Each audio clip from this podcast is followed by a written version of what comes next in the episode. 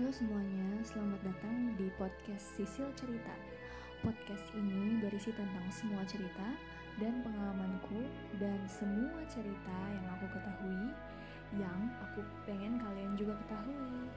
Selamat mendengar cerita Sisil.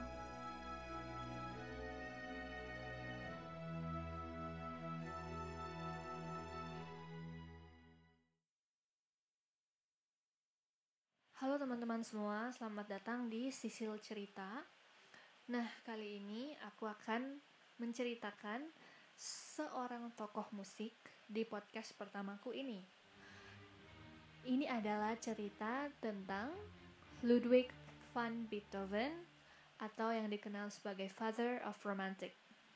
Ludwig van Beethoven atau yang biasa dikenal sebagai Beethoven adalah salah seorang musisi asal Jerman paling terkenal di dunia yang berjaya mulai dari masa klasik hingga masa romantik. Beethoven lahir di kota Bonn pada bulan Desember 1770.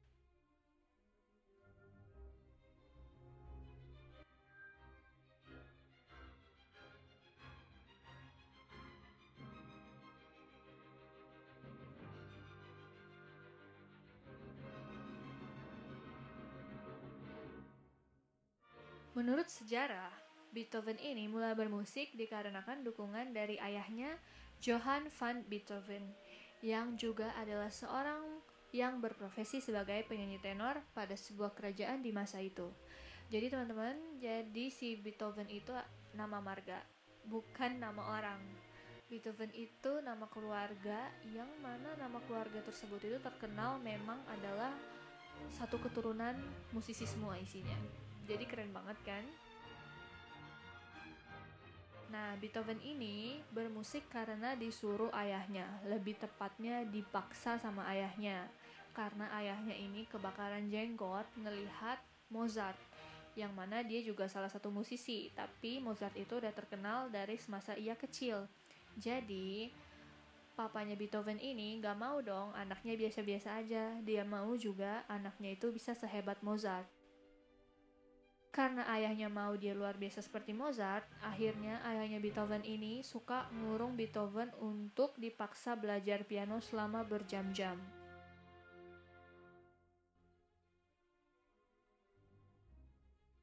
Pada waktu itu, Beethoven masih kecil. Ia berlatih piano pada seorang guru yang bernama Nif. Nif adalah orang pertama yang menyadari bakat musik Beethoven dan ia menyuruhnya memainkan salah satu karya komposer dan musisi ternama di dunia yaitu Bach. Mulai saat itu, Beethoven melanjutkan permainan pianonya hingga ia menjadi wakil dari Nif sebagai pemain piano di istana pada masa itu. Karena ternyata Nif mampu melihat bakat musik yang besar yang dimiliki oleh Beethoven. Karena kepandaiannya dalam mengimprovisasi dan memainkan sebuah karya, akhirnya pada tahun 1787, si Beethoven ini dikirim oleh pangeran kerajaan ke Austria loh untuk bermain piano pada acara kerajaan di sana. Dan saat itu juga, Beethoven bertemu dengan Mozart dan memainkan piano di depannya. Mozart yang melihatnya amat kagum dengan cara ia bermain piano, dan Mozart juga mengatakan bahwa ke depannya si Beethoven ini akan menjadi seorang musisi yang sangat hebat. Dan ternyata benar loh, hebat banget ya tebakan Mozart.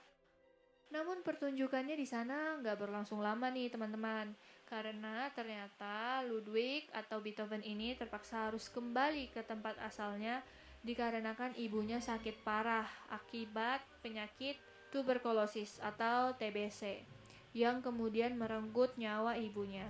So sad ya.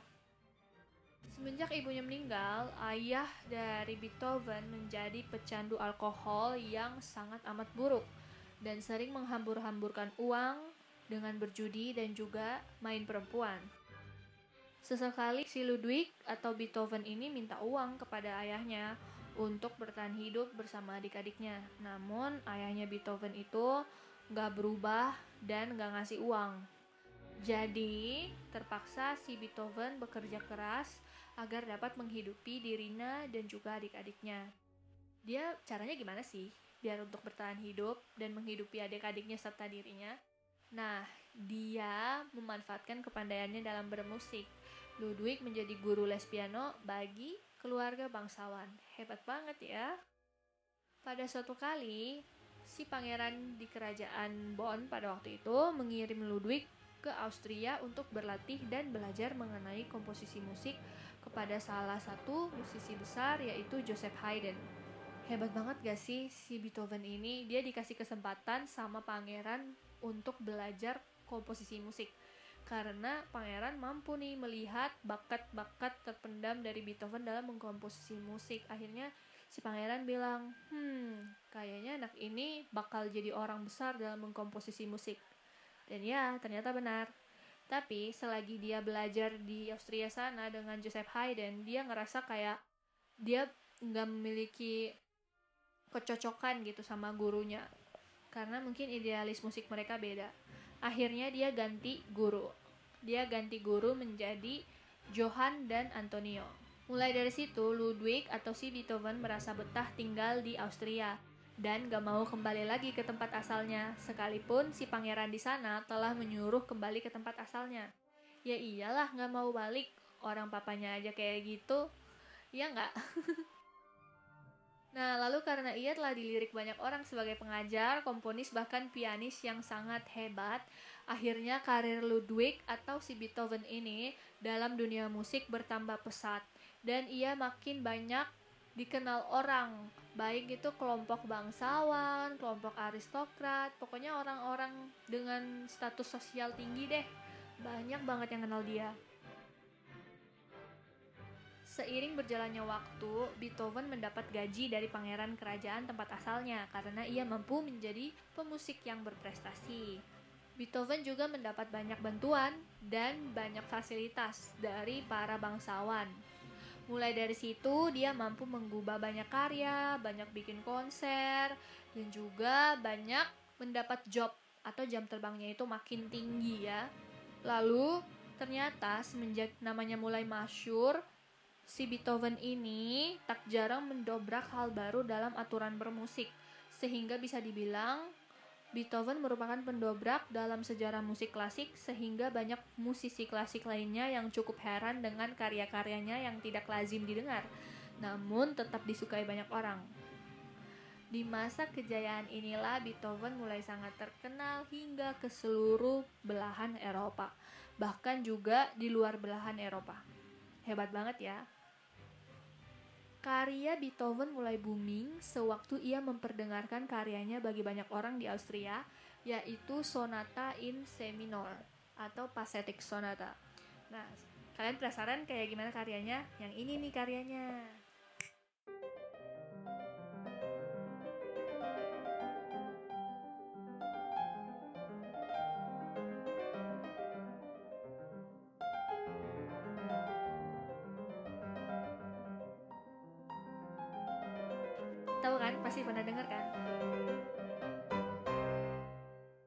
Saat itu ia juga mulai mengubah komposisi musik Moonlight Sonata. Kalian juga pasti pernah dengar ini sih, karena biasa ini diputar di film-film horor ataupun serial-serial horor. Hmm, kalau nggak salah ini juga pernah diputar atau dipakai di drama Korea Hotel de Luna. Kalian penasaran yang mana? Nih yang ini nih.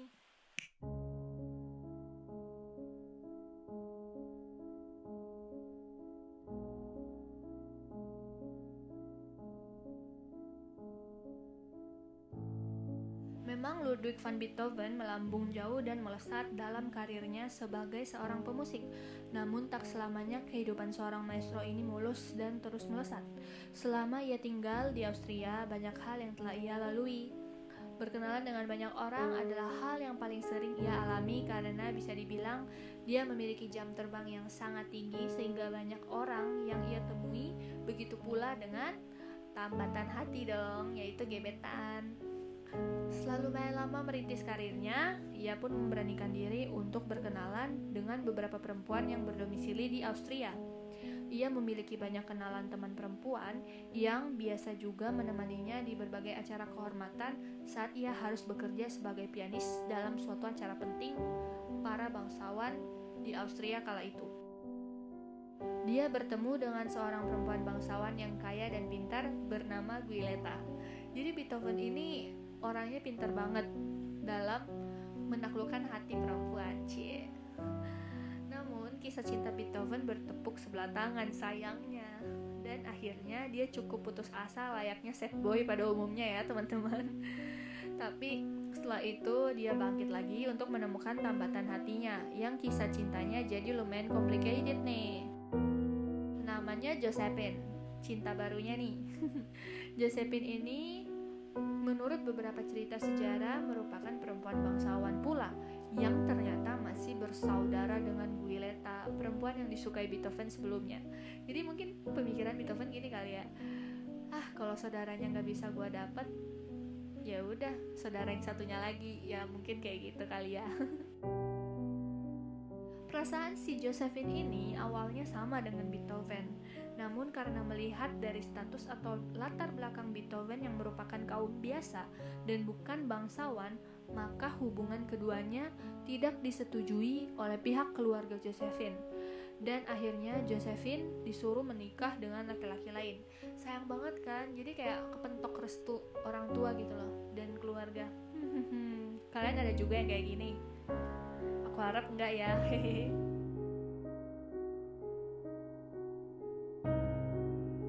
Beethoven patah hati lagi setelah kisah yang begitu rumit dengan beberapa perempuan yang akhirnya membuat ia patah hati, Beethoven amat depresi dan menjadi pecandu alkohol.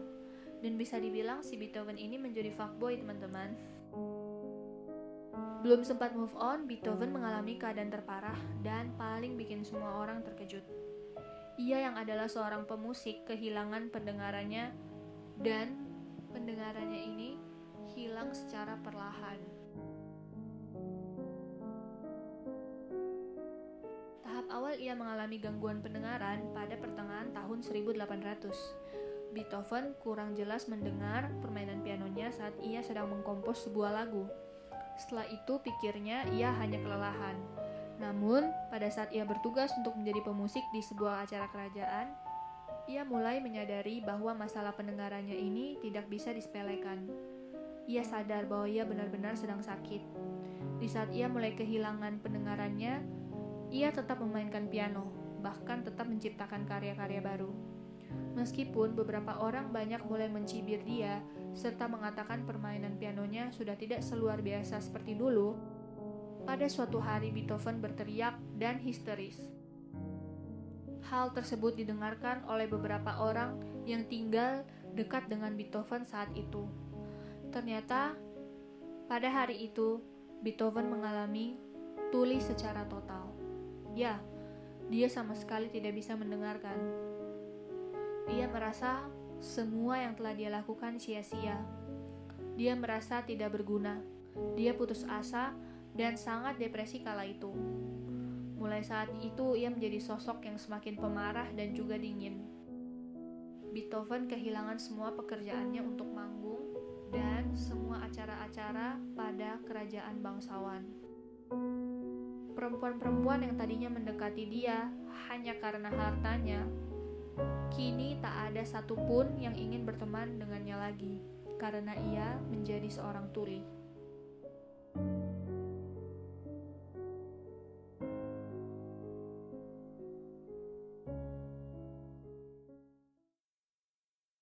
Setelah semua kemalangan yang terjadi padanya, ia sempat mencoba bunuh diri. Namun, ketegaran dalam dirinya sendiri menyelamatkan dia. Dia sadar dia tak boleh mati sia-sia dan harus menyelesaikan apa yang telah dia lakukan beberapa waktu lalu, yaitu membuat simfoninya yang ketiga. Beethoven mulai mendapatkan sedikit kepercayaan dirinya, lalu berusaha dengan sekuat tenaga untuk tetap bermusik dengan kekurangannya yang dianggap semua orang adalah hal yang amat mustahil. Namun, tiada yang mustahil. Hal tersebut ia buktikan kepada dunia. Ia berbaring di lantai kamarnya dan menyuruh muridnya untuk memainkan piano. Ia merasakan getaran yang ia terima dari lantai saat ia mendengarkan alunan musik yang dimainkan. Setelah itu, ia mendekatkan dirinya ke piano dan mulai memainkannya serta menempelkan telinganya ke bodi piano tersebut. Sejak saat itulah ia tahu cara ia bermusik menjadi sangat amat berbeda dari sebelumnya. Sejak saat itu pula, ia bangkit lagi dan menjadi musisi yang sangat teramat jenius dan hebat. Beberapa tahun setelah itu, ia mulai menemukan kembali wanita yang ia sukai karena kepercayaan dirinya mulai ada lagi. Perempuan tersebut bernama Teresi. Ia memberanikan diri untuk melamar wanita tersebut. Namun sayangnya, lagi-lagi Beethoven ditolak lamarannya. Ya, ditolak lagi. Lagi loh. Dia semakin menjadi orang yang dingin kepada beberapa orang, terutama wanita, karena ia merasa stres dengan kisah cintanya. Dan pada saat itu pula, sedang terjadi krisis keuangan di Austria pada tahun 1811. Setelah itu, dia merasa bodoh amat dengan percintaan dan dia akhirnya berfokus untuk berkarir dalam musik. Setelah itu, ia lebih bersikeras untuk membuat konser yang besar dengan judul konser Fidelio. Konser ini sukses besar dan nama Beethoven makin tersiar luas di seluruh dunia kala itu. Jadi, Beethoven lagi tenar-tenar parah nih waktu itu. Beberapa orang terdekat Beethoven mengatakan, Beethoven mulai lagi nih menulis surat cinta kepada seorang perempuan. Namun, mereka sama sekali nggak tahu perempuan siapa yang ditujukan dalam surat tersebut. Banyak sekali surat yang ia tulis untuk perempuan tersebut dan Beethoven menyebut perempuan tersebut dengan Immortal Beloved. Dalam surat-suratnya, Beethoven memanggilnya My Angel, My All, and My Very Self. Banyak yang ngira nih dan menebak nama perempuan itu adalah Alice karena karya Fior Alice yang dia buat semenjak ia rajin nulis surat-surat cinta tersebut. Meskipun sempat bangkit dan juga sudah mulai bisa merasa kembali kasmaran dengan seorang perempuan, ya namun akhirnya patah hati lagi, kebiasaan mabuk Beethoven tidak hilang. Ia tetap menjadi alkoholik. Tapi ia tetap menjalankan karya bermusiknya dengan mantap dan serius. Pada tahun 1824, Beethoven kembali membuat sejarah yang sangat baik. Ia membuat simfoni ke-9 dan karya tersebut mampu diangkat menjadi konser terbaik sepanjang tahun tersebut di masa itu. Begitu pula dalam sejarah hidup sang maestro Ludwig van Beethoven. Jadi, meskipun dia udah patah hati banget, jatuh berkali-kali dalam hal percintaan, ya udah dia ngerasa bodoh amat. Ngapain gitu? Aku harus mikirin kegagalanku terus. Kenapa aku nggak berusaha untuk bangkit? Kalau di percintaan aku bisa gagal mungkin di hal karir aku bisa maju lagi. Itu adalah sisi positif dari Beethoven. Aku harap teman-teman yang dengerin podcast ini juga gak lama-lama galau soal percintaan ya. Karena hidup kita gak soal cinta dan gak soal orang itu terus loh jadi kalian harus move on hadapi hidup kalian yang sebenarnya, berjuang untuk hal lain juga. Karirmu harus dipikirkan, masa depanmu harus diutamakan. Oke? Okay?